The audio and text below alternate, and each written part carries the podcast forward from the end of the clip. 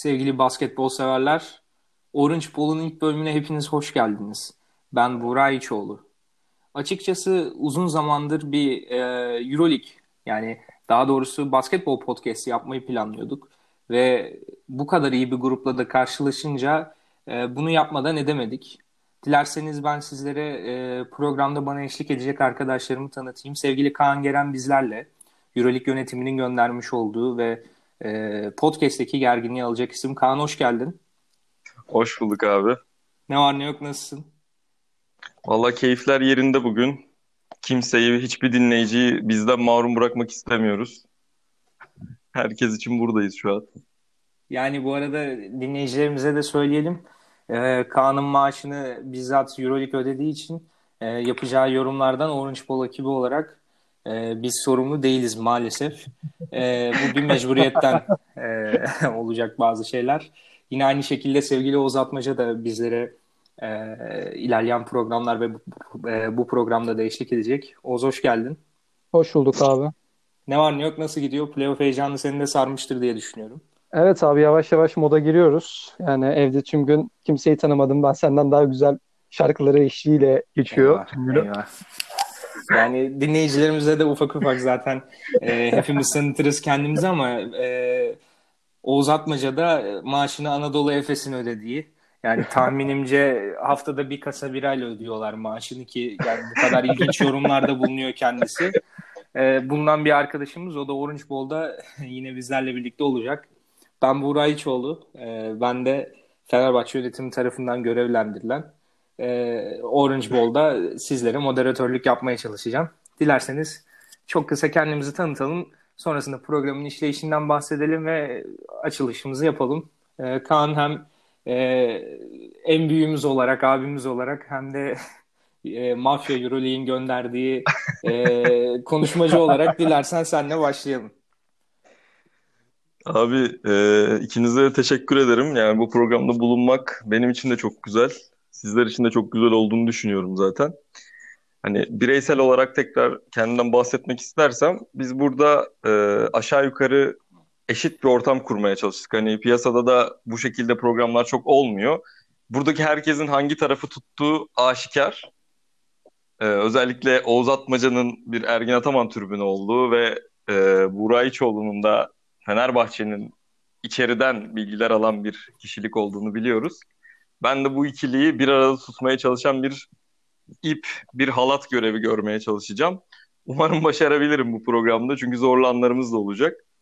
Ben hemen sözü Oğuz'a bırakıyorum kendini tanıtması için. Abi program başlar başlamaz manipüle manipülasyonla başladı. Ben hani benim ne kadar objektif biri olduğumu herkes bilir zaten. Bu algılara gerek var mı bilemiyorum. Yani burada izleyiciler, dinleyicilerimizin üzerinde bir algı oluşturmak yersiz bence. Zaten zamanda hani kendileri de hak verecektir benim ne kadar objektif olduğuma ve Samet'in ne kadar gözünün döndüğüne. Ben daha fazla bir şey eklemek istemiyorum. Zaten yorumlarda vesaire de göreceğiz. Yani gerçekten gerçekten beni şaşırtmayan bir başlangıç oldu. Yani adaletten bahseden bir Kaan Geren var ve Euroleague bildiğiniz üzere 15 ila 18. sırada olan takımlarına para bile ödemiyor. Yani bu gibi bir organizasyondan gelen kişinin adaletinden bahsetmek e, söz konusu bile olamaz maalesef. E, diğer taraftan Oğuz Atmaca'da e, maalesef ki barbar futboldaki Galatasaray taraflı taraftarlarından Efes'e geçiş yapan bir insan. O yüzden e, güzide basketbol severlerin e, bunu dikkate alarak dinleyeceğini düşünüyorum. Ben Deniz kendi halinde mülayim bir basketbol sever, tamamen bir spor aşığı ve moderatör hakkını yerine getirmeye çalışan genç bir kardeşinizim diyerek e, ufaca kendimizi tanıtmış olalım. Kaan istersen e, normal Orange Ball'un moderatörü benim ama sonuçta e, Garbage Time'ın moderatörlüğünü sen yapıyorsun. Gayet de güzel bir girişim var. Ben de çok beğeniyorum. İstersen e, Garbage Time'dan kısaca sen bahset. Zaten içerikleri de e, artık yavaş yavaş programa giriş yapıyoruz. O şekilde başlamış oluruz. Ee, evet, bütün dinleyicilerimize de buradan bir hemen not düşmüş olalım. Biz her programın sonunda Garbage Time isimli bir bölüm yapıyoruz. Bu bölümde de genelde Euroleague'de çok fazla konuşulmayan, detaylarda kalan veya programlarda üzerine düşülmeyen kısımları ele almaya çalışıyoruz. özellikle de bunları çok sert bir dille veya hiçbir şekilde bir filtremiz olmadan konuşuyoruz. Bu bölümümüzde çok fazla özel haberlerimiz olacak. Her hafta da bu özel haberleri yapmaya çalışıyoruz ve genelde bu bölümün değişmesi Mike James de bu programın bir kısmında bize konuk olacaktır diye düşünüyorum. bir gün umarım kendisini de ağırlayabiliriz burada. Yani eğer e, basketbol analizinden sıkılanlar olursa programımızın son kısımlarını dinlemeye onları gönderebilirim buradan. Teşekkür ediyorum. Ben teşekkür ederim. Yavaştan program açılışını yapalım ama öncesinde maalesef gibi e, başsağlığı vermek durumundayız. E, büyük umutlarla Brooklyn Nets'e transfer olan LaMarcus Aldridge e, hakkın rahmetine kavuşmuştur diyelim. Bütün e, Brooklyn Nets'e acil şifalar diliyoruz. E, başsağlıklarımızı diliyoruz. Çünkü yeterince iğrenç olan takımlarına e, yani gerçekten sevimsiz oyuncuları doldurarak zaten e, kaliteli basketbol seyircilerinin zaten arkada da gülen muhtemelen Kaan Geren. Yani duyuyorsunuz ne kadar sahte güldüğünü. E, bu kadar e, şey yapmaması gerektiğini düşünüyorum Brooklyn Nets'in diyerek e, Euroleague açılışını yapalım. E, ben burada Oğuz Atmaca'ya bir e, zeytin dalı uzatarak Anadolu Efes e, Real Madrid eşleşmesini konuşarak başlamak istiyorum. Bilmem sizin için de uygunsa hemen ben e, ön notları verip yavaştan açılış yapayım. Şimdi e, yani Real Madrid'in e, bir ikon olduğunu biliyoruz. Yani Euroleague'de çünkü e, aynı Fenerbahçe gibi, CSK gibi e, sürekli playoff'un içinde, Final Four'un içinde bulunan bir ekip ve e, açıkçası takımında halen daha bulundurduğu kurt oyuncularıyla birlikte e, bence fazlasıyla korkulması gereken bir takım. Yani her ne kadar Gabriel Lek Fenerbahçe'yi maalesef ki mahvederek NBA'in yolunu tutsa da korkulacak çok fazla sayıda oyuncuları var. Aynı şekilde geçen senenin e, Oğuz Atmaca'nın tabiriyle e, kılçıksız şampiyonu e, Anadolu Efes var. Yani çok büyük kozlar bulunduruyorlar takımlarında ama sanki birazcık kırılgan yapıya sahip Anadolu Efes. Yani son sözü söyleyebilecekler mi? Bu çok önemli. Yani nereye e, iyi bir noktaya gelmişlerdi geçen sene. Bu sene de gayet iyi gidiyorlar. Hatta EuroLeague'in e, en pozitif basketbolunu oynayan ilk iki takım içerisinde kesinlikle yer alıyordur. E, seyircilerimiz de bu şekilde düşündüğüne eminim. E, Oğuz'la başlayayım ben. Oğuz ne düşünürsün eşleşme için? Abi kesinlikle zor bir seri. Ben hani özellikle Bayern Münih'i vesaire tercih ederdim Madrid'e karşı. Çünkü şu bir gerçek Anadolu Efes'i biz konuşurken 3 yılın birlikteliğini bir avantaj sağladığını, Anadolu Efes'in kimyasının birbirlerini tamamlama açısından diğer takımlara karşı bir üstünlük sağladığından bahsediyoruz Anadolu Efes'in kimyasının. Fakat ligde Efes'ten daha çok bir arada bulunan tek takım Real Madrid. Ve senin de bahsettiğin gibi Sergio Llull, Rudy Fernandez gibi kurt oyuncuları hatta buna Fabian Cazor ve J.C. Carroll da ekleyebiliriz rahatlıkla. Hani J.C. Carroll'ı da Euroleague'deki bu sezon normal sezon maçından yakın yakından tanıyoruz. Yani kesinlikle zor bir seri. Real Madrid geçtiğimiz gün hani İspanya Ligi'nde Barcelona'yı da yendiler. Çok tehlikeli bir takımlar. Genç oyuncularından özellikle Garuba ve Vukcevic'den iyi bir katkı aldılar. Laproitola, Abelle gibi hani iki ucu keskin bıçak giyebilecek oyuncular da var. Bu oyuncular Madrid'e zarar da verebilir. Yok Madrid'in oyununu üst, yukarıda taşıyabilir. Ya Efes'in favori olduğu bu seride aşikar ama hiçbir maçın ben kolay geçeceğini zannetmiyorum. Ben yine de seriyi geçeceğimizi düşünüyorum. Fakat dediğim gibi kolay maçlar olmayacaktır ve Efes için Final Four öncesi hani senin de bahsettiğin gibi kendini kanıtlama açısından iyi bir sınav olacaktır. Burada serinin hani öne çıkan eşleşmelerinden biri de Tavares Sertaç Şanlı eşleşmesi. Yani yaklaşık bir sene önce falan bundan bahsetsek, bir, bir buçuk sene önce hani Tavares Sertaç Şanlı eşleşmesinden bahsetsek e, biz burada Kaan'la büyük ihtimalle hani baş ağrılarına girerdik. Başımıza ağrılar girerdi yani daha doğrusu. Ama şu an o kadar da korkarak bakmıyoruz. Sertaç'ın hani formu çok yukarıda. Ben Plyce'ın da bu seride söz söyleyeceğini düşünüyorum. Çünkü Tavares'e karşı şut atan pivotların oyunu açacağını ve Tavares'i pot altından uzaklaştırmasının özellikle kısalara sağladığı avantaj her takım tarafından biliniyor. Efes de bu avantajı kesinlikle kullanabil kullan kullanabilecek özelliklere sahip bir takım. Ya ben yine de dediğim gibi kolay maçlar olmayacaktır. Özellikle La Monica gerçeğini de unutmamak lazım burada. Real Madrid'in hani deplasman kadrolu hakemi diyebiliriz Monika için. Fenerbahçe maçında da gördük çaldığı düdükleri vesaire.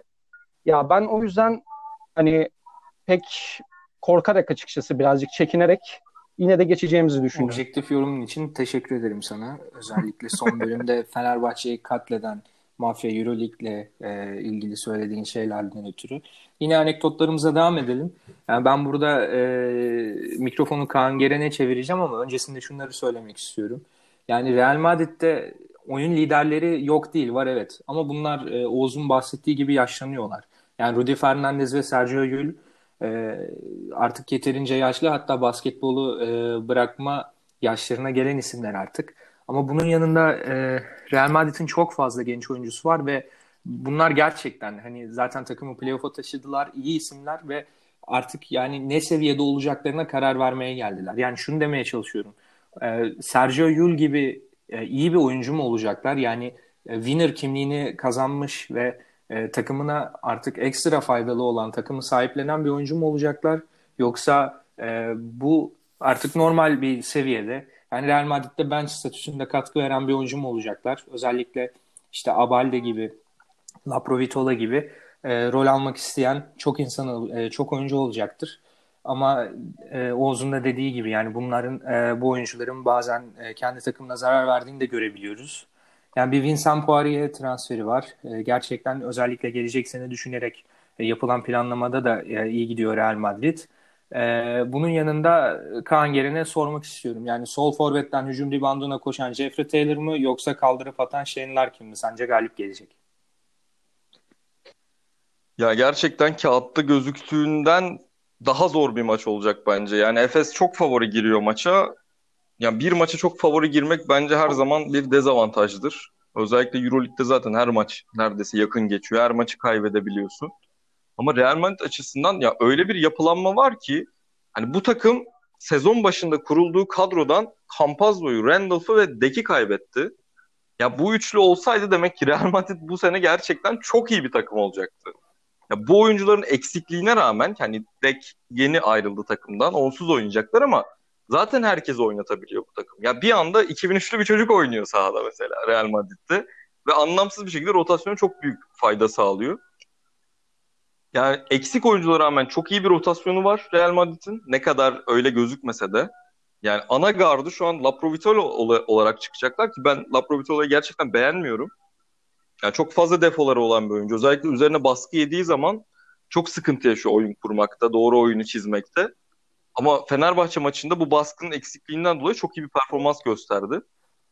Yani tecrübesiyle özellikle Pablo Lasso'nun bu hanedanın kurucularından biri bence uzun bir zamandır. Ya onun oyun yönetimiyle Real Madrid her zamanki gibi güçlü bir rakip olacak. Efes'in bence maçları 3. çeyrek sonunda veya 4. çeyreğin başında kazanması gerekiyor kazanacağı maçları. Bu maçlar son toplara, son dakikalara kalırsa yani J.C. Carroll'lı bir şutörü ben bize karşı şut atarken anlamlı noktalarda görmek istemem. Çünkü çok inanılmaz verimli oynuyor maç sonlarında o top ona geldiği zaman. Yani bu maçların bence hiçbirinin Efes açısından son noktaya kalmaması gerekiyor ki zaten Efes kazandığı maçların çoğunu 3. çeyrekte veya 4. çeyreğin başlarında çoktan almış olarak bitiriyor. Son toplara kaldığımız bir sürü maçı kaybetti Efes bugün. Yani Bayern Münih maçlarında da bu örneği gördük. Daha önceki Real Madrid maçında da bunu gördük. O yüzden zor bir seri olacak. Yani Efes'in biraz e, enerjisini de bitirebilecek bir seri diye görüyorum ben. Ki bundan sonra eğer Fenerbahçe CSK'yı yenemezse CSK ile bir eşleşme de Efes açısından final yolunu biraz zora sokabilir. Ee, bunun yanında Efes cephesine dönersek biraz yani Shane Larkin'in sezondan sezonda oynadığı basketboldan biraz daha iyi bir basketbol oynamasını bekliyorum ben. Daha motive olması, takımın da daha motive olmasını bekliyorum. Çünkü hani geçen sene bir yere ulaşmayan bir sezonun ardından bu sene zaten herkes bu, no- bu noktaya gelebilmek için oynuyordu. E, bu noktaya da geldiler şu an. Bütün takımın daha motive olmasını bekliyorum. Ama bence bu e, serideki en kilit isim yani Rodrik Boboa. Rodrik Boboa'nın özellikle savunmadaki bir anda savunmanın merkezi haline geldi bu takımda Rodrik Boboa ki çok alışkın bir durum değil bu aslında hiçbirimiz açısından. Rodrik Boboa'nın savunmadaki hücumdaki performansı bu takımın üçüncü skoreri bulması anlamına geliyor ki çünkü 4 numaralardan genelde iyi bir katkı alamıyor Efes uzun bir zamandır. Yani yine o şut performansı bizi etkileyebilir. O yüzden Boboa'nın sayı katkısı ve savunma katkısı çok önemli olacak. Sertaç Şanlı Tavares eşleşmesi Oğuz Atmaca'nın da dediği gibi kritik bir eşleşme olacak. Yani Tavares'in erken bir 5 faal veya erken bir 4 faal alması lazım ki onun süreleri biraz daha kısıtlansın ve bizim bu eşleşmelerde elimiz rahatlasın. Ya iki takım açısından da zor bir eşleşme olarak görüyorum. Ya 3-1, 3-2 Efes'in geçeceğini düşünüyorum ama tam tersi de olabilir. Bu noktada sözü sana geri veriyorum. Sen bir şeyler eklemek ister misin? Yani şöyle e, bence de hani Tavares X oyuncusu eşleşmesi e, belirleyici olacaktır diyelim. Çünkü yani direkt Sertaç'ı koymaktansa çünkü Tavares gerçekten yıpratan bir isim ve Sertaç da inanılmaz bir gelişim gösterdi. Özellikle e, Ömer Onan'ın e, garip söylemlerinden sonra diyelim. Çünkü gerçekten yani başta Fenerbahçe olmak üzere birçok takımın başına e, bela oldu Sertaç Şan'ın o açıklamalardan sonra. Yani Tavares e, yani Oğuz'un da söylediği gibi hani ben Tibor'un da çok fazla süre alacağını düşünüyorum. E, şut açıp alan açma, e, şut atıp e, alan açma açısından. Ama Fenerbahçe maçında da gördük. Yani e, Tavares'in tercih edilmediği bir 5 e, konfigürasyonda deniyor Pablo Lasso. E, bu noktada da Real Madrid'in e, aslında başarılı olduğunu gördük. Tabii ki de Fenerbahçe'nin şu anki kadro kalitesiyle Efes'in e, kadro kalitesini kıyaslamak olmaz. Ama yine de bence e, Tavares'in faal problemine girdiği veyahut da farklı bir varyasyon denemek istenen e, durumlarda bence e, pozitif bir izlenim verdi Real Madrid açısından.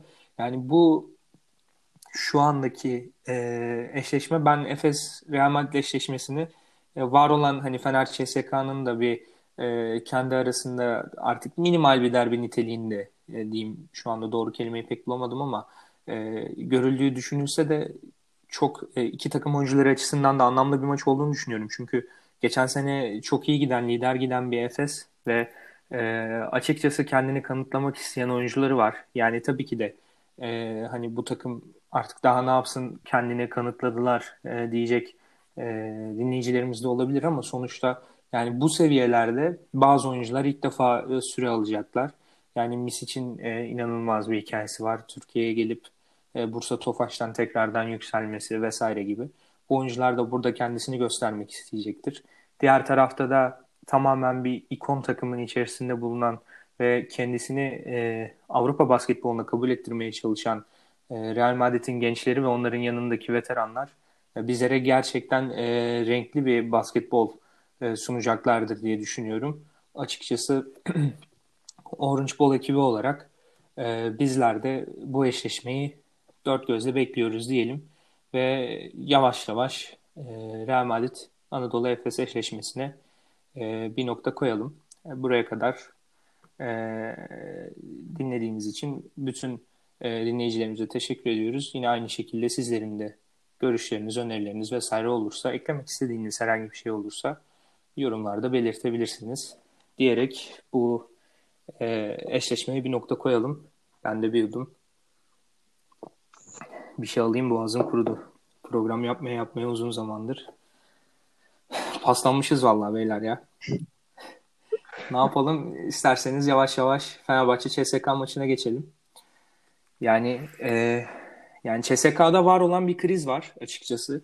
Ve bu krizin yani Vatutin'den mi kaynaklandığı yoksa e, koçtan mı kaynaklandığı yani Dimitris Situdis'ten mi kaynaklandığı tartışılabilir. Çünkü yani iki tane çok baskın karakter var. E, takım içerisinde iki tane çok baskın karakter var. Bunlara ek olarak bir de yani oyuncularda tırnak içinde papaz diye nitelendirilebileceğimiz işte Mike James gibi, Tornike Şengelya gibi isimler girince açıkçası takımda bir güç çatışması kaçınılmaz oluyor. Yani e, mesela bir Lundberg transferi oldu ki e, tabii ki de sakatlıklar da oldu Clyburn'un, Milutinov'un vesaire ama yani ben e, Lundberg transferini tamamen e, bugünleri düşünülerek e, yapıldığını düşünüyorum. Çünkü yani Mike James bildiğiniz üzere şu anda kadro dışı bırakıldı, takımdan gönderildi. E, yani geri dönebileceği de konuşuluyor. Bunu zaten e, Garbage Time'da konuşacağız ama yani CSK'da sanki bunun izlenimi daha öncesinden verilmişti. E, yani ligi ikinci bitirselerdi bence sıkıntılı süreçten bir geçen takım var. Diğer tarafta Fenerbahçe Beko. E, geçen senenin e, kötü geçmesi ama sezon iptaliyle birlikte bir nebze e, o kötü sinerjiden kurtulan takım diyelim. Yeni kurulmuş bir takım. Yine aynı şekilde buraları oynayacak çok fazla yeni isim var. Ve oyuncular kendini göstermek isteyecektir ama Gudur için yokluğunda özellikle e, takım çok büyük sıkıntılar çekiyor. Buna ek olarak Veseli'nin sakatlığı var ve Gudur için de bazı maçlarda form tutamadığı zaman çok büyük sıkıntılar yaşadığını biliyoruz. E, sözü ben e, bu noktada uzatmacıya vermek istiyorum. Abi dediğin gibi çok fazla değişkene sahip bir seri. Yani bu iki hafta önce sorulsaydı veya biz konuştuğumuzda ben Fenerbahçe için hani Milano, Efes veya Barcelona'dansa CSK eşleşmesinin daha hayırlı bir eşleşme olduğunu düşünüyordum. Çünkü gerçekten hani yaşadığı krizler sebebiyle çok Fenerbahçe'nin yenmeye daha nasıl desem Fenerbahçe'nin daha yenebileceği bir takım. Yenme potansiyeli daha yüksek olduğu bir takım CSK. Bunda bence CSK'ya karşı bir psikolojik üstünlüğünün olduğunu da düşünüyorum ben Fenerbahçe'nin. Özellikle 2016 serisinden sonra ki maçlarda Fenerbahçe'nin üstünlük kurduğunu görüyoruz maçlara baktığımızda. Burada Dekolo faktörü var dediğin gibi. Özellikle Itudis'e kötü bir ayrılık yaşamış bir Dekolo'nun maçlara daha kişisel bir gözle bakacağını biliyoruz. Ve buraları oynamayı çok seven ve çok iyi bilen bir oyuncu. Ama bahsettiğin gibi Veseli sakatlığı çok fazla şey değiştiriyor. Veseli sakatlığının da şöyle bir şey var. Tam olarak belli değil Veseli'nin dönüp dönemeyeceği veya hani hangi maçta döneceği. Kimi diyor Veseli sezonu kapattı. Bazı kaynaklar Veseli'nin ilk maçta oynayacağını, bazıları da üçüncü maç itibariyle döneceğini söylüyor. Ya bu olasılıkların bence hepsini ayrı ayrı değerlendirmemiz gerekiyor. Ben Veseli'nin oynamadığı, tüm seriyi kaçırdığı bir senaryoda Fenerbahçe'nin CSK'yı eleyebileceğini düşünmüyorum. Muhtemelen 3-0 veya 3-1 eleneceğini düşünüyorum Veseli'nin olmadığı bir senaryoda. Eğer Veseli dönecekse ilk maçta, ilk maçtan itibaren dönecekse birazcık da seviyesine bağlı olarak ben Fenerbahçe'nin turu geçebileceğini düşünüyorum. Üçüncü maçtan itibaren dönecekse de ilk iki maç belirleyici olacak. Eğer deplasmanda ilk iki maçı kaybederse Fenerbahçe yine kayb eğlenmeye daha çok daha yakın olacaktır. Burada CSK'nın ne kadar oyuncu kaybettiğinden hani yaşadığı krizlerden bahsetsek de özellikle Mike James'in kadro dışı bırakılmasından sonra artık buranın patronu Itudis mesajı tüm oyunculara gitti. Hani tüm oyuncular bunu anladı. Clyburn'un yavaş yavaş form tuttuğunu biliyoruz. Şengel yayının daha biraz daha rolü artacaktır Mike James'e gittikten sonra. Kısalarda Hackett'ın da sakatlığı söyleniyor. Hani özellikle Uğur Ozan Sulak bunu söylemişti. Yani Hackett'ın da olmaması kısa savunması açısından CSK'ya problem yaratacaktır ve hani Dekolo ve Gudur için çok iyi bir haber. Çünkü gerçekten yıpratıcı bir oyuncu Daniel Hackett.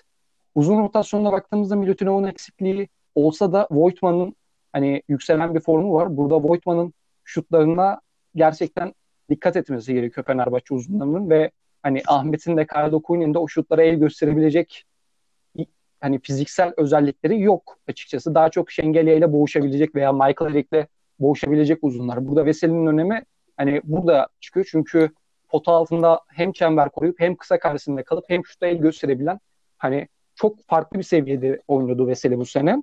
Yani dediğim gibi çok fazla farklı değişkenlere sahip bir seri ve Veseli'nin durumuna bağlı da ben favorinin el değiştiğini söylüyorum açıkçası.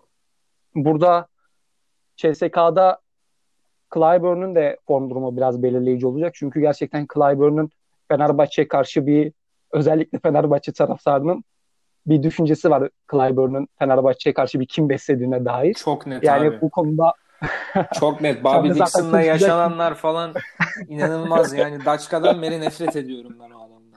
Abi Clyburn'e peki hani tehdidi sen mi vermiştin bir aralar Instagram'da DM'lerden öyle bir tehdit almıştı yaşı hayatıyla ilgili. O, o tehdit konu, senden o, mi konu, O konulara girmeyelim. Çok şey yapmayalım. yeri burası oraları. değil. karıştırmayalım oraları. sıkıntı olur yani. Şaka bir yana benim hani seriyle ilgili düşüncelerim bu yönde. Ufaktan Kaan'a bırakayım sözü. Bence bu seride sen zaten söylenmesi gereken her şeyi söyledin neredeyse. Bu seride Fenerbahçe açısından en kritik nokta Iffe Lundberg olacak. Yani onun gelişindeki rolünü konuşmuştuk sizle daha önce. Yani onun etki yapabileceği etkilerden bahsetmiştik. şu an hani Hackett'ın da yokluğunda belki de takımın en büyük hücum silahı olacak. Yani Şengelya elbette çok büyük bir faktör. Voigtman'ın oyunu açması çok büyük bir faktör. Clyburn'un formu biraz tartışılır durumda olduğu için bu rolü henüz ona veremiyorum. Ama ya böyle bir durumda Ife Lundberg, Lundberg'in skorları çok kritik olacak Fenerbahçe açısından. Bence Ife Lundberg iyi savunulursa Fenerbahçe bu seriyi gerçekten kazanabilir. Özellikle Hackett'ın yokluğunu değerlendirip en azından ilk iki maçtan birini deplasmanda çalması gerekiyor Fenerbahçe'nin. Çünkü ben Veseli'nin gerçekten ya üçüncü maça dönebileceğini düşünüyorum. Sakatlığının yani söylenenden biraz daha iyi bir durumda olacağını tahmin ediyorum. Eğer bu Lundberg savunması güzel bir şekilde yapılabilirse ki Fenerbahçe istediğinde çok sert bir savunma yapabilen bir takım ne her ne kadar bunun en büyük mimarı Yan Veseli de olsa bu katkıyı yapabileceklerini düşünüyorum. Zaten bir Dokolo faktörü var elimizde. If Lundberg e, savunulursa bence bu seri kazanılacak. E, bu arada e, Veseli'nin sakatlığından sonra İsmail Şenol hakkında konuşmadan da geçmeyelim.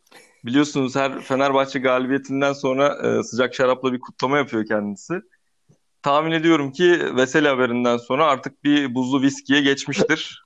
Yani ondan belki de beklenen budur.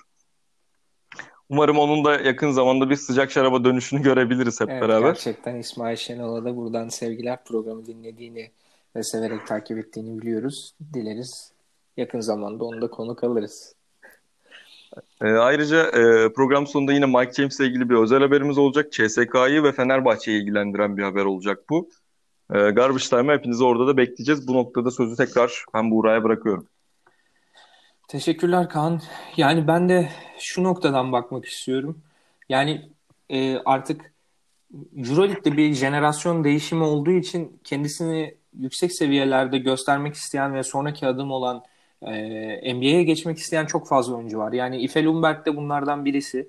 Yani Mike James döner mi dönmez mi tartışmalı. Ben döneceğini düşünüyorum açıkçası. Çünkü e, hem fiziken eğer ki seneye de yine NBA'de oynamak veyahut da kontrat bulmak istiyorsa yani NBA'ye gitmeden önce yani bir beşer dakika süre alabilecek bir oyuncu olduğunu düşünüyorum ben. Yani çok büyük Mike James fanıyım. Buradaki en büyük Mike James fanı benimdir büyük ihtimalle. Yani bundan dolayı da epey linç e, yiyorum. Yani karşılaşmalarda e, eğer oynarsa karşılaşmalarda da e, arkadaşlarımın tavırlarını görürsünüz. Ama yani NBA'ye en azından gitmeyi düşünüyorsa gitmeden önce son bir söz söylemesi gerektiğini düşünüyorum ben Mike James'in. Ve bu sebepten e, oynayacağını düşünüyorum. Yani bu noktada Hackett eğer uzun süre bulunmazsa Kaan ve e, Oğuz'un da dediği gibi e, sıkıntılar yaşayabiliriz ama yani yine Michael Eric e, ne noktada katkı verebilir? Yani Voigtman'ın eli ne kadar sıcak olur? Veyahut da yani son maçta mesela Şengelya'nın e, ters omzundan oynamaya zorlandıkça ve zaten şutu çok iyi olan bir isim değil. Yani e, psikolojik olarak da ne kadar yıprandığını fark ettik. Ha, ben halen daha e, birkaç adım Fenerbahçe önde görüyorum ama yani tabii ki de bir anda çıkıp işte Darren Hilliard işte 5'te 5 üçlükle falan başlarsa buradan Kyle Kuriç'e de selam olsun. Kangeren'in de çok sevdiği bir isimdir. Manevi abisidir. Ee, öyle bir performansa başlarsa tabii ki de e, Fenerbahçe'nin e, hani gidişatı çok zora gidecektir. Biraz da Fenerbahçe üzerine yorum yapalım. Yani ben e, bu eşleş e, bu eşleşmede e, önemli olan isimlerden birinin de Lorenzo Brown olduğunu düşünüyorum. Yani Brown baktığımızda Real Madrid maçında 16 sayı attı ama bence gerçekten kötü bir oyun sergiledi. Yani hani skor tablosuna, box skora baktığınız zaman hani dersiniz ki ya evet De Colo ile birlikte bu adam işte takımda direnmeye çalışan isimlerden ama maalesef öyle değildi. Bu noktada hani Lorenzo Brown'un e, deliciliği ve eğer ki Hackett'da olmazsa e, Ife Lumberg'i e, epey yıpratabilir bu noktada. Çünkü yani e, bence Ceska'nın e, guardlar açısından yaşadığı bir sıkıntı var. Yani zaman zaman yani Strelniaks'in, Komenko'nun falan oynadığını görüyoruz. Evet kötü oyuncular değiller ama bu seviyede takımlarına ne kadar katkı verebilecekleri e, birazcık soru işareti açıkçası benim açımdan. E, Veseli sakatlığını da şöyle yorumlayacağım. Yani Melih Mahmutoğlu'nun falan açıklamaları vardı. Yani Veseli de dönmek için çok çaba sarf ediyor işte e, biz yetişeceğini umuyoruz gibisinden. Yani bu iki açıdan değerlendirilebilir. Sonuçta bir psikolojik savaş da veriyor. Hem takımlar hem oyuncular. Sonuçta CSK Veseli'li ve Veselisiz bir oyun planı hazırlamak zorunda. Yani görünen o ki Veseli'siz bir oyun planı hazırlayacaklar ama hani sürpriz bir şekilde Veseli'yi ikinci maçta, üçüncü maçta veyahut da belki de birinci maçta sahada görürsek ben pek şaşırmam açıkçası. Yani bu Fenerbahçe teknik ekibinin e, bir akıl oyunu da olabilir Itudis'e karşı. Yani bunun dışında zaten olaylı bir şekilde ayrılan e, Dekolo Itudis eşleşmesi var. E, bu da belirleyici faktör olacaktır. Yine Dişampierre e, fazlasıyla göz önünde olan bir isim. Kendisini e, göstermek isteyecektir. Hani dileriz ki temsilcilerimizin e, ikisinin beraber en azından playoff turunu geçeceği ve sonrasında Final Four'da finale Fenerbahçe'nin kalacağı ve kupanın yeniden ülkemize geleceği bir e, eşleşme serüveni olmasını diliyorum. E, başka ekleyeceğiniz bir şeyler yoksa e, yavaş yavaş e, Fenerbahçe Ceska eşleşmesini de e, noktalayalım. Evet arkadaşlarımdan işaret gelmediğine göre e, yine aynı şekilde Fenerbahçe Ceska eşleşmemizi de burada noktalayalım sevgili dinleyiciler. Eklemek istediğiniz bir şey olursa, bizlerle paylaşmak istediğiniz fikirleriniz olursa e, yine bir sonraki e, bölümlerimizi de konuşmaktan memnuniyet duyarız diyerek e, bu seriyi de noktalayalım. Yani ilgi çekici eşleşmeler var. Yani Barcelona e, Zenit eşleşmesinin galibi açıkçası fazlasıyla e, net bir şekilde belli olsa da yani orada bir Milano Bayern Münih eşleşmesi var. Biz de sevgili Kaan Geren ve Oğuz Atmaşa ile birlikte her daim konuşuyorduk. Yani Bayern Münih e, kendilerinden beklenmeyecek derecede bir aksiyon göstererek gerçekten iyi bir hikaye yazdılar. Ve yazmaya devam ediyorlar. Edebilecekler mi orasını hep birlikte izleyip göreceğiz ama bence sezon genelinde alkışlanması gereken bir performans ortaya, ortaya koydular. Yani ben e, Bayern Münih'teki bu sistemin tabii ki de Trinkieri gibi, Wade Baldwin gibi çok önemli isimleri var ama e, yani mesela 25 sayıdan dönen bir e, Fenerbahçe maçı var. Orada e, fitilin ateşini ilk yakan Jalen Reynolds'tı. E, Reynolds gibi çok fazla önemli isim var. Yani bu noktada ufak bir karşılaşma değerlendirmesi alalım. Da başlayalım. Abi dediğin gibi çok hani iki takımın da gerçekten çok eşit şartlara sahip bence. Diğer üç seride de bir favori belirleyebilirken ben bu seride bir favori belirleyemiyorum açıkçası.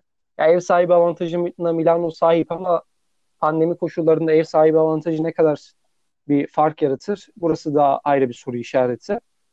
Ve dediğin gibi Milano'nun Bayern Münih'in önemli oyuncuları olsa da playoff tecrübesini pek fazla tatmış bir takım değiller açıkçası. Hem oyuncuları hem de koçları. Milano takımı oyuncuları ve koçlarıyla pek fazla hani bu konularda yakın değiller. Milano'da hem Messina'nın hem de oyunculardan özellikle Sergio Rodriguez, Gigi Datome ve Kyle Hines gibi çok tecrübeli oyunculara sahip, binler oyunculara sahip takım Milano. E, ben bu yüzden Milano'yu bir adım önde görüyorum ve rotasyon açısından da Malcolm Delaney'in dönüşüyle beraber rotasyon da çok genişlemiş durumda Milano'nun. Bayern Münih'i hani 5 maçlık bir seride bu rotasyon genişliği gerçekten fark yaratabilir. Gerek power problem, gerek yorgunluklar bunları çok bu farkı ortaya çıkarabilir. Ben bu seride Milano'yu hani bir takım kazanacaksa Milano tercihinde bulunabilirim ama dedi, yani o, tamamen ortada bir seride demek iki takımın da hani kim kazansa şaşırmam açıkçası. Bayern Münih geçse Milano geçse de pek fazla şaşıracağım.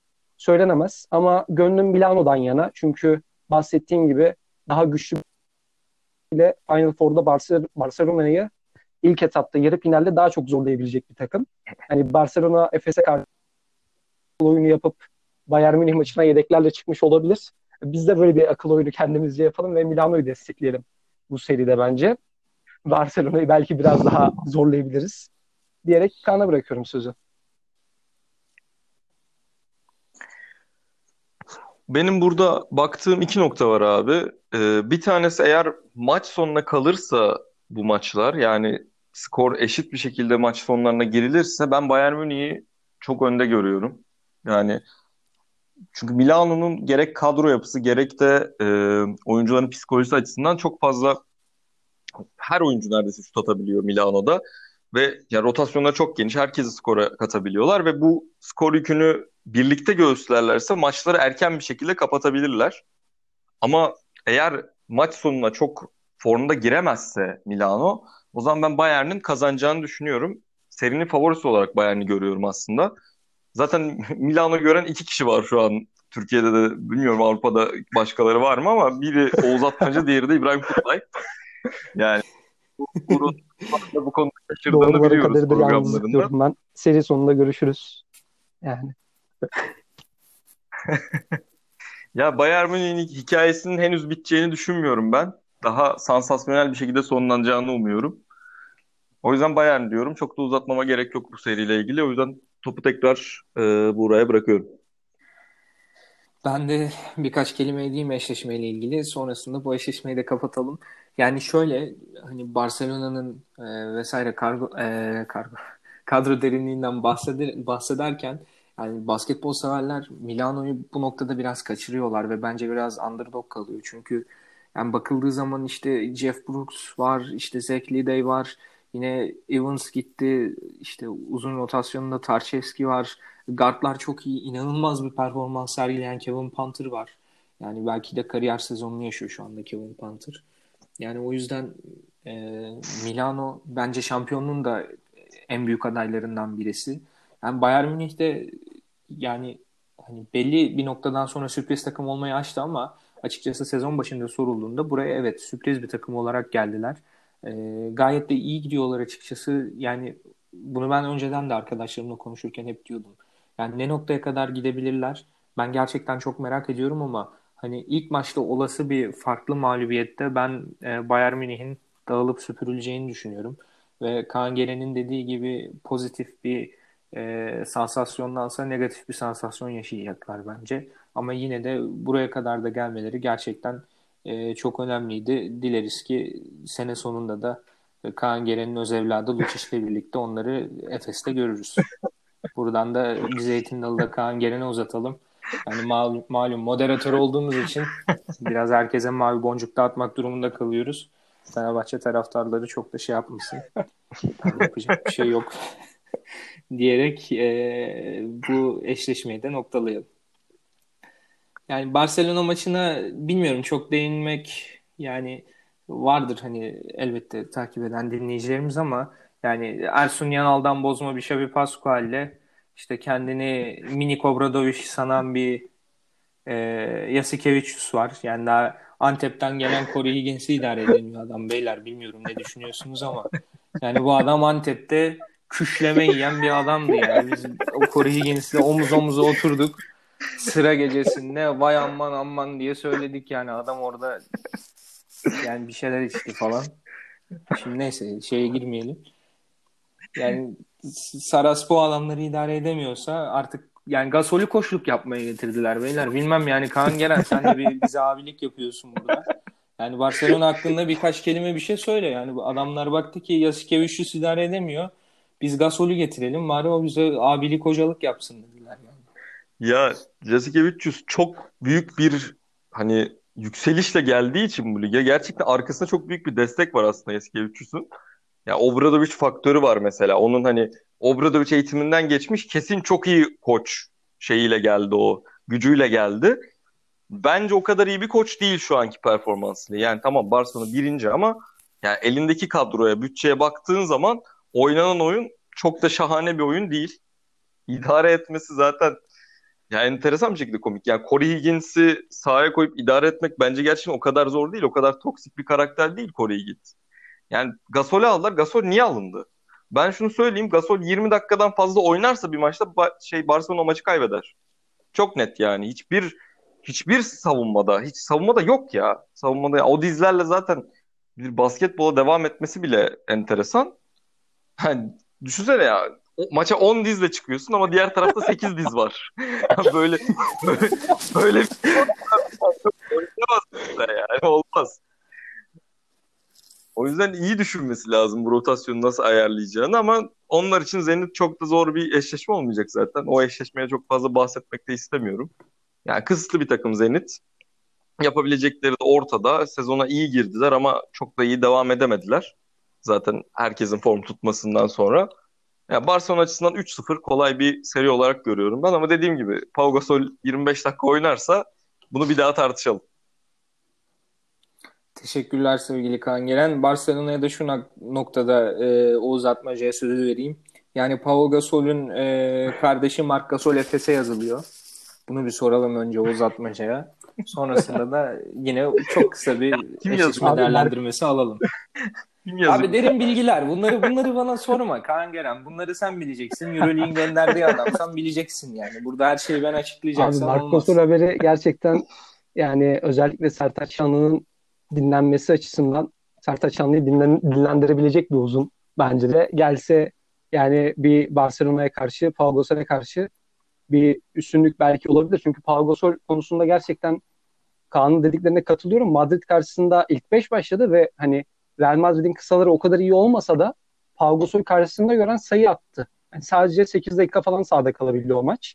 Ya ben özellikle finalde böyle Efes'e karşı Pau Gasol'ü sahada görmeyi merakla bekliyorum. Yani umarım Jasikevichus'tan öyle bir hamle gelir. Çünkü Larkin Mitsic ellerini umarım. ovuştura ovuştura geceleri Pau Gasol posterlerine bakıyordur yani. Abi delik, evet. delik deşik ya dediği, olmaz Samet'in yani. dediği gibi ya gerçekten koçluk birazcık abilik yapma amacıyla yapılmış bir hamle. Hani ben playoff'ta Final Four'da pek sağda kalmasını beklemiyorum. Ama umarım da kalır yani. Yani renkli bir görüntü verecektir ee, sevgili Pau Gasol'ü. Onu da buradan saygılar dizlerinden öpüyoruz. Diyerek e, Orange Bowl'u sonlandıralım. E, dilersen Kaan Geren yavaş yavaş e, programı sen devral. Evet, e, program başında da bahsettiğimiz gibi her hafta Euroleague'deki saçma olayları, gerçekten kimsenin bahsetmek istemediği, çok sansasyonel şeyleri konuştuğumuz Euroleague'in kanalizasyonu olan bölüm Garbage Time'a yine bir e, Mike James haberiyle adım atalım. Aa bir dakika beyler, bir dakika. Bir dakika şimdi şimdi haber geldi. Mike James Randolph'la birlikte Acarkent'te bir villada görülmüş. eyvah eyvah kan programı kapat gidelim abi. Haberi, çok haberi, sıkıntılı anlar yaşayacağız. abi haber kaynağı Yusuf Güney abi yok Mustafa Cengiz değil. Galatasaray'ı küme düşürmüşler. Mike James de Randonk Acarkent'te gözükmüş. Yani yazıklar olsun diyoruz buradan artık yeter. Devam edebilirsin sevgili Kaan Gelen. Orada bir araya girmek ya, bu istedim. Bu haberimizin üstüne e, bir haberle daha hemen Mike James'e konuşalım. E, İspanya muhabiri Gerard Sol'un bir haberi var son günlerde. Aslında çok da kimsenin ihtimal vermediği bir haber aslında bu. Çok düşük bir ihtimal de olsa gerçekten playoff'ta Mike James CSK'ya dönebileceği konuşuluyor ki böyle bir şey olursa gerçekten son dönemin en büyük saçmalıklarından birini görürüz. Yani bir oyuncunun koçla tartışıp 5 maç sonra geri dönmesi ben altında bir şeyler ararım bunun.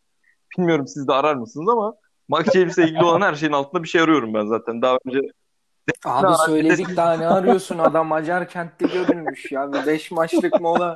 Hocam hocam yani Randong'da ya bir, Yazıklar olsun yani. Bildiğiniz gibi Mike James'in dedesi e, sıklıkla vefat ediyor. Her vefatında Amerika yolculuğu ondan. Ben zaten büyük şaşkınım Brooklyn Nets'in Mike James'i almamış olması şu an.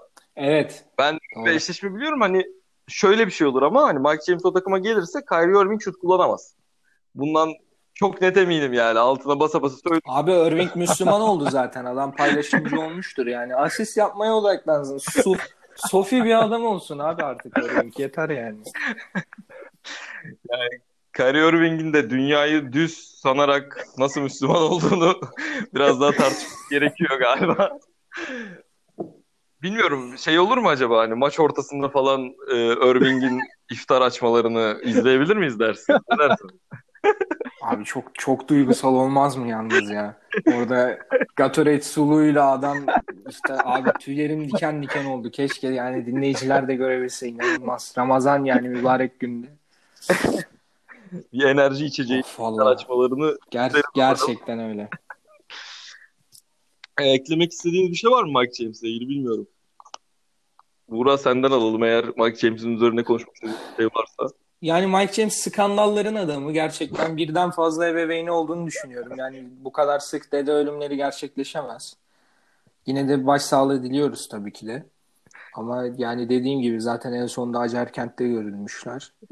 Ee, umarım dönmez diyelim. Yani Ife Lundberg'in işin içinden tek başına çıkabileceğini sanmıyorum. Yani Mike James çıkıp saçma sapan panyo üçlüklerini falan ben izlemek istemiyorum artık. Yani başka da Mike James'le ilgili söyleyeceğim bir şey yok. Yani Mike James'in çok büyük fanıydım biliyorsunuz ama bu son gelen Ryan Donk haberi beni epey soğuttu açıkçası. Ben e, bu, bu noktada sözü Oğuz'a bırakmak istemiyorum. Abi sağlıklı bir karar ama. büyük bir Brooklyn Nets olduğunu, Brooklyn Nets fanı olduğunu da biliyoruz. Brooklyn Nets'le ilgili iyi şeyler duymak istemiyorum. O yüzden Abi bir dakika ya. Mike James'in ölen dedesi Lamarcus Aldridge olabilir mi acaba ya? Yani bunu Oğuz Atmaca'ya bir soralım. Çünkü yani o da Brooklyn Nets muhabirimiz biliyorsunuz. Abi Lamarcus yani Aldridge'le ilgili gerçekten hani çok derinden üzüldük. Pırıl pırıl bir insandır kendisi. Şampiyonluk yolunda da yardımcı olacaktı. Nazar değdi. Ama hani onun boşluğunu doldurabilir, doldurabilir Brooklyn Nets yine hamleleriyle. Dediğiniz gibi Mike James hamlesi ya Brooklyn Nets Mike James'ten bile katkı alabilecek bir takım bence benim gözümde. Artık yani Black Griffin'in vesaire de geri dönüşüp geri dönüşüyle katkı verdiğini gördükten sonra Mike James bile gelse katkı verebilir yani Brooklyn Nets'e. O konuda ben pek Abi Mike James Mike James'in ölen dedeleri şey Lamarcus Aldridge'in dizleri ve Brook şey Griffin'in sıfatı. Yani üç dedesi bunlar ya. Bu arada bu şey değil mi? Ee, şeyden Brooklyn Nets bu Schroeder'dan Drummond'dan falan 20'şer sayı yiyen Nets. Yani LeBron Davis yokken süpürülen Nets değil mi? Aynı Abi, takımdan bahsediyoruz. görüşürüz. Normal sezon maçları pek hani zaten Harden yokken takımın çok savruk bir düzende olduğunu biliyoruz. James Harden döndükten sonra fine, hani finallerde ben pek şans tanımıyorum. Yani LeBron bu yaştan sonra birazcık da gerçekten Black Griffin'e, Lamarcus Aldridge'e falan elenmesi, yani Mike James'e falan finalde kaybetmesi gerçekten legacy açısından çok da parlak olmaz. O yüzden Mike James hamlesinden hani korktuğunu du- duyuyoruz LeBron James'in. Twitter'da vesaire de unfollow etti Mike James'i. Yani bu yüzden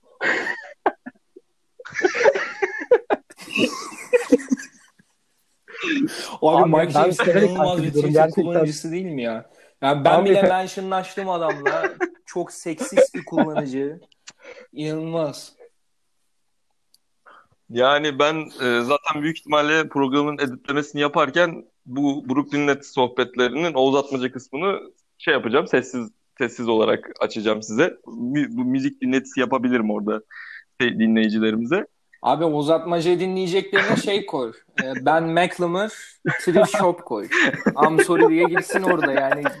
Nets'e girmiş I'm sorry diye adam yani. Seneler evvel çocukken dinliyorduk biz bu adamı yani.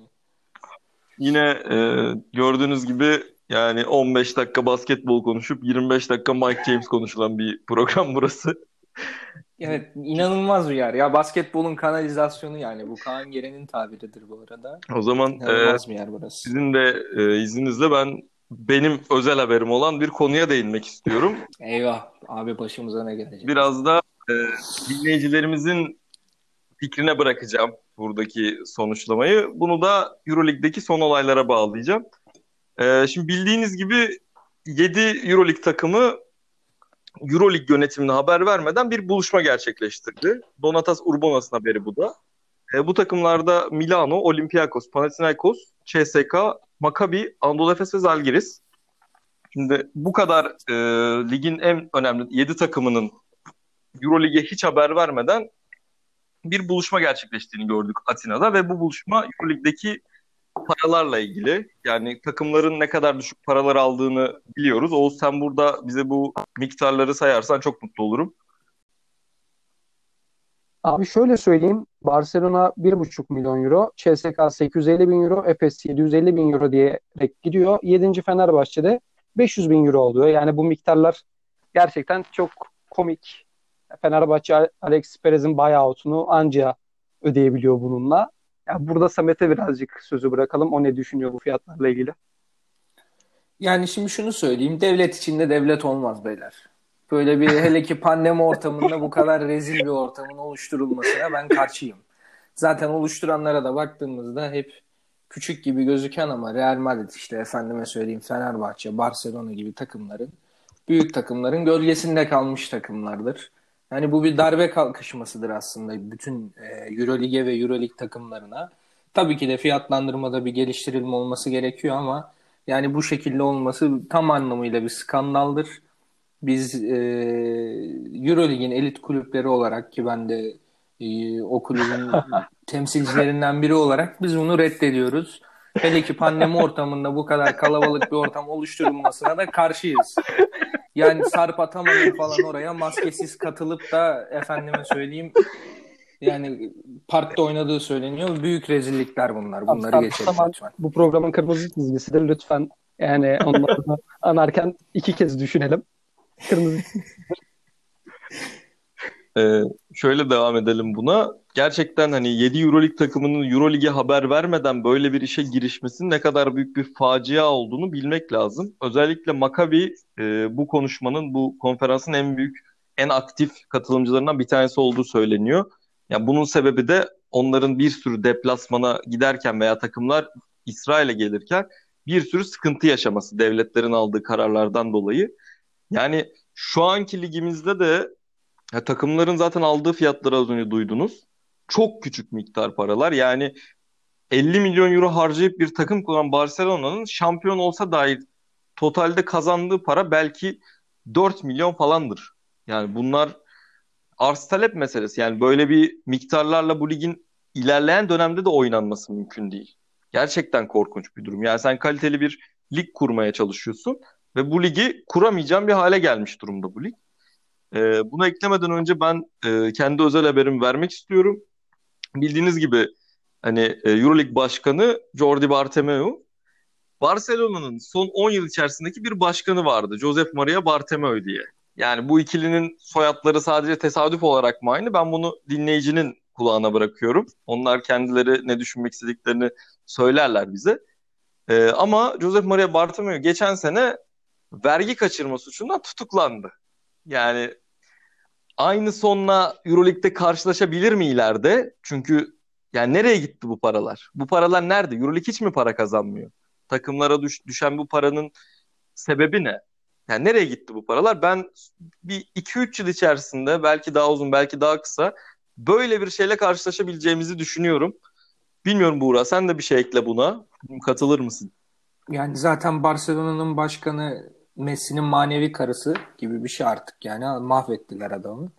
Ee, buna ek olarak da dediğim gibi yani bir sıkıntı oldu aşikar ama yani bu kadar e, etik dışı, bu kadar profesyonellik dışı bir yolla çözmek ancak Anadolu Efes'in önderliğini çektiği bir gruba yakışırdı. Ya hadi abicim.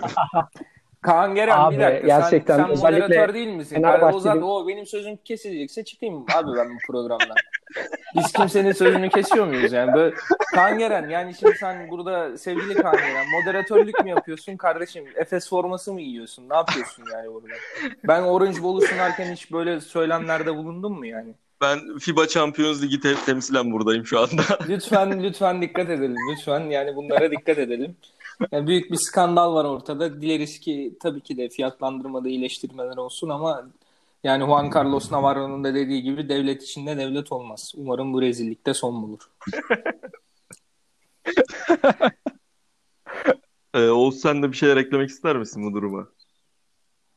Abi ben burada hani gerçekten İspanyol hiçbir takımın bu listede olmamasına şaşırıyorum. Şaşırmıyorum açıkçası ve CSK'nın bu grubun içerisinde gerçekten Euroleague'e karşı hani bir şeyin içinde bulunması beni şaşırtıyor. Fenerbahçe'nin de bu kadar Euroleague mafya söylemlerinin, Euroleague mafya söylemlerinin artık haberleri mi yoktu yoksa duruşları mı o yöndeydi bilmiyorum. Fenerbahçe'nin de bu listede olmamasına şaşırdım. Belki Samet'in de hani bu kızgınlığı bunadır. Birazcık kendilerini dışlanmış hissetmişlerdir belki bilmiyorum ama yani dediğim gibi bu kadar Euroleague zaten kesinlikle çok büyük paralar kazanan bir organizasyon değil ama hani bu kadar azla dağıtılmaması lazım. Burada Samet'in de yakından sevdiği Panathinaikos başkanının geçmiş yıllarda bir söylemi vardı Euroleague Euroleague'in hani para kaçırdığına dair net bir şekilde böyle bir söylemi vardı. Gerçek kazançları dağıtmadığını söylemişlerdi. Bu yüzden hani Kaan'ın dediği şey gerçekleşir mi bilmiyorum.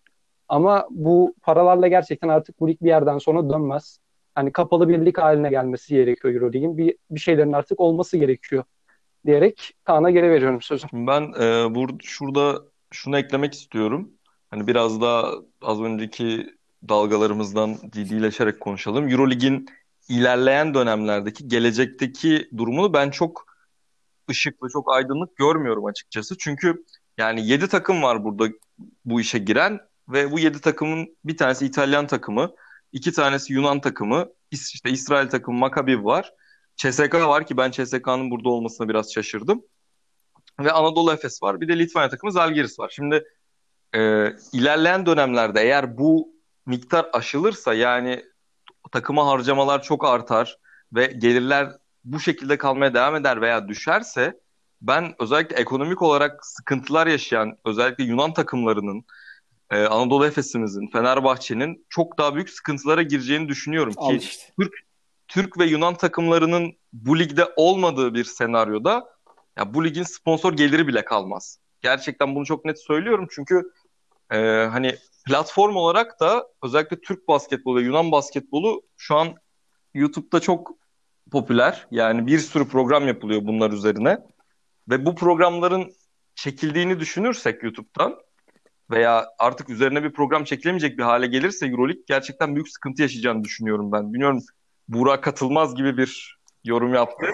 ya ben katılırım da şimdi kardeşim Anadolu Efes'imiz ne, Fenerbahçe ne yani. Şimdi orada Fenerbahçe'miz demek çok mu zor? Yani iki yüzde temsilcimiz yani TRT gibi davranıyorsunuz gerçekten ben üzülüyorum yani spor ruhuna yakışmayan şeyler. Demedin tabii ki de. Lütfen derhal kardeşim çok, çok, 20 derhal çok, Rambo Okan'dan özür dile derhal.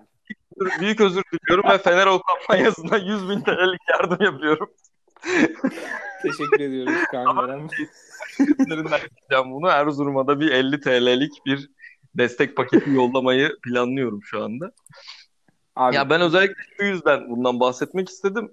Ee, yani YouTube'da çok fazla içerik arattım. Mesela e, diğer ülkelerde de Euroleague üzerine programlar çekiliyor mu veya durumları nasıl gibisinden.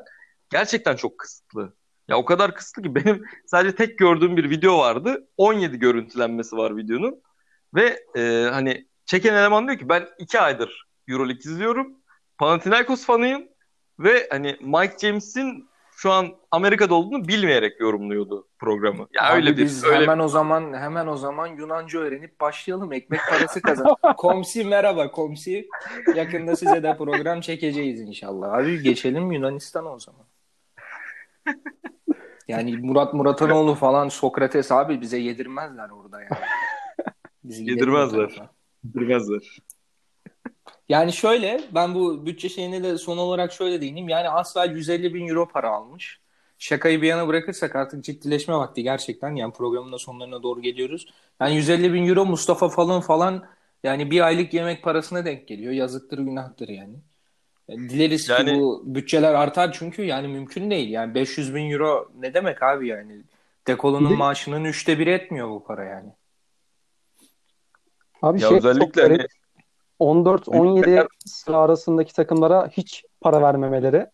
Yani o da ayrı bir skandal bence. Yani ligde oynayan herkesin yayın gelirlerinden bir şekilde pay alması gerekiyor bence. Adaletli bir evet. dağıtım açısından. Kesinlikle katılıyorum. Kim kimin neler şu an ne durumda olduğunu çok merak ediyorum ben yani. 30 maç oynayıp hiç para kazanmamak çok dramatik. Çok ilginç abi. Jordan Mickey'nin Kimki'de ne işi var bu arada ya? Yani Rusya'yı mı sevmiş adam acaba? Evlilik Jordan... falan mı yaptı? Ne yaptı abi o adam orada? Kendisine sormak lazım. Ben bir dahaki bölüme Jordan ayrılsam... Mickey, Jordan Mickey özel haberimizle gelelim o zaman. Jordan... Ben zehri salmış olayım. Onunla ilgili de size bir Jordan Mickey ile bir FaceTime yapacağım. Size gerekli evet, bilgiler e, yapacağım. Bir sonraki programda Jordan Mickey Efes forması hediye ediyoruz bir taraftarımıza. Aman abi dur yapma daha para kazanmaya başlayamadık. Batıracaksın bizi her programda. O zaman e, biraz da bu Euroleague muhabbetine biraz noktayı koyalım. Çok sansasyonel bir açıklamayla devam ediyorum. Biliyorsunuz sansasyonların kralı deyince aklımıza bir kişi geliyor bu ligde. Ergin Ataman o da. Ya diğeri de Lamanika'dır büyük ihtimalle de. Onu şimdi bu sohbetin muhabbeti yapmaya gerek yok. Ergin Ataman şöyle bir açıklama yaptı. E, bu takım bu basketbolla gayet rahat bir şekilde NBA'de oynar. Ama sonuç ne olur bilmiyorum. Evet. Burak ne demek istersin? Ya abi ben yani artık bir şey demek istemiyorum. Yani Ergin Ataman'a ben artık yetişemiyorum. Yani cevap vermekte de zorlanıyorum. Yani ilginç hani yani NBA'de ne olacak? Yani Detroit Pistons'la beraber takılırlar herhalde. Yani ne bileyim 16 galibiyet almıştı herhalde Detroit yanlış hatırlamıyorsam.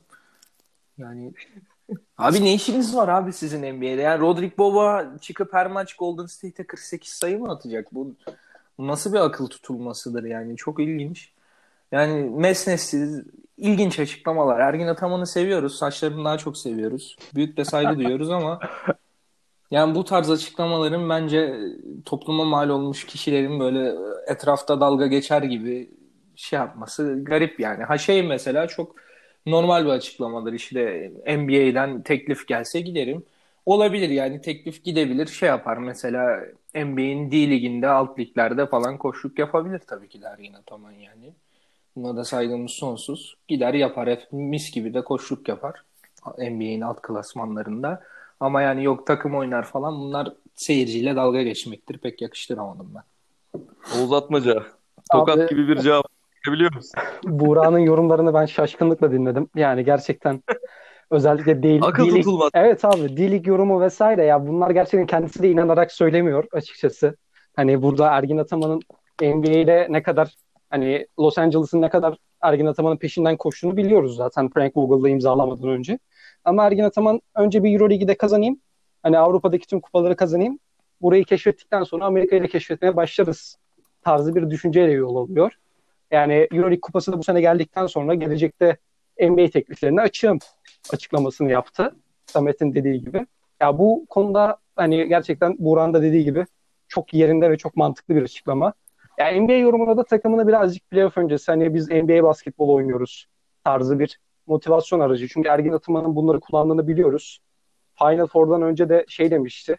Pazartesi günü Ibiza'da tatile gideceğiz falan tarzı hani açıklamaları vardı 2019'da. Ya takımına böyle kamuoyu önünde hani övmeyi seven bir koç. Aynı zamanda yeri gelince yermeyi de seven bir koç. Bunların hani ikisinde tadında bence yapabilen biri. Haksızlık yapmayan biri. Ya burada bahsettiği şey yani Avrupa'nın Golden State'iyiz açıklamaları vardı. Bunları destekleyen bir açıklama. Bence tatlı, minik, playoff öncesi de güzel bir açıklama. Samet'in burada bu kadar hani agresif yaklaşmasını pek anlayamadım. Bunu da dinleyicilerimizin evet. artık tercihine ben bırakıyorum. Özür özür diliyorum. Ben özür diliyorum. Çok kısa araya gireceğim. Özür az, diliyorum. Az, az, önce, az önce sözlerimiz bölünmüyor diye kendisi böldü. Ben ben ne bir dakika, Bir dakika. Hayır ben özür diliyorum kardeşim. Özür de mi dilemeyeyim? Yani ben burada özür diliyorum. Dileme diyorsan dilemeyeyim. Özür diliyorum abi az bile söylemişim. Kerem gönlümü de alsınlar. Gitsinler beraber NBA'de şampiyon olsunlar abi. Kerem gönlümle el ele tutuşsunlar. Zaten zamanında yaptılar. Gitsin NBA'de şampiyon olsunlar. Ya şöyle Daha bir başka bir şey de var. demiyorum bu konuyla ilgili. Hani e, Golden State bile artık NBA'in Golden State'i değilken biz Avrupa'nın Golden State'i olmamız bazı şeyleri açıklıyor aslında bu durumda. Yani bilmeyen dinleyiciler olur belki. Bir 2009'da e, bir araştırsınlar bir Kerem Gönlüm, Ergin Ataman neler olmuş falan. O skandallara bir bakınsınlar. Biz burada dile getirmeyelim tatsız şeyleri. O yüzden özür diliyorum yani az bile demişim. Sevgili uzatmaca dilerim kabul edersin özürümü. Seyircilerim, dinleyicilerimiz evet. de artık e, podcast'in sağ üstüne tıklamayarak bu habere ulaşamayabilirler büyük ihtimalle. o yüzden kendi kendileri kendileri gidip araştırsın. Yani bizi meşgul etmesin. Ee, evet o zaman ben Garbage Time'ı çok ünlü bir basketbol sever olan Jordi Barteme'nin bir sözüyle sonlandırmak istiyorum. Yani bunu bu sözü büyük ihtimalle bu darbe girişimi yapan takımlara karşı söyledi. Bazen kanatlarını sonsuzluğa açarsın ama nasibin kadar uçarsın. Sözü buraya bırakıyorum. Eyvah. Bir dakika abi ben programı kapatacağım da bu söz nereye dokundu? Bu playofflarda başımız mı yanıyor abi? Ne demek bu? Bu ses herkese dokunuyor büyük ihtimalle. E, La Monica ile Bartom, Bartomeu benim umurumda değil yani. Kaan Geren bu sözü neden söyledi? Bunun altında ben bir anlam ararım.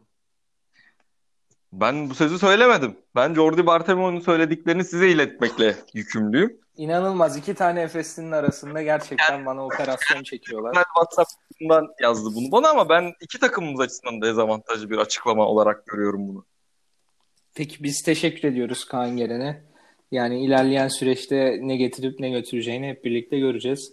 Şaka bir yana gerçekten güzel bir program oldu. Yani arkadaşlarımla bu ekiple beraber çalıştığım için çok mutluyum zaten. Uzun zamandır da e, biz yapıyorduk bu işi. Eşlik ettiğiniz için teşekkür ederim. Her ne kadar koyu Efesli olsanız da. Yani herkesin hayatta bir kusuru vardır derler. Demek istediğiniz bir şey yoksa yavaş yavaş kapatayım programı ben. Yok abi. Ekleyecek bir şeyimiz. Tamamdır.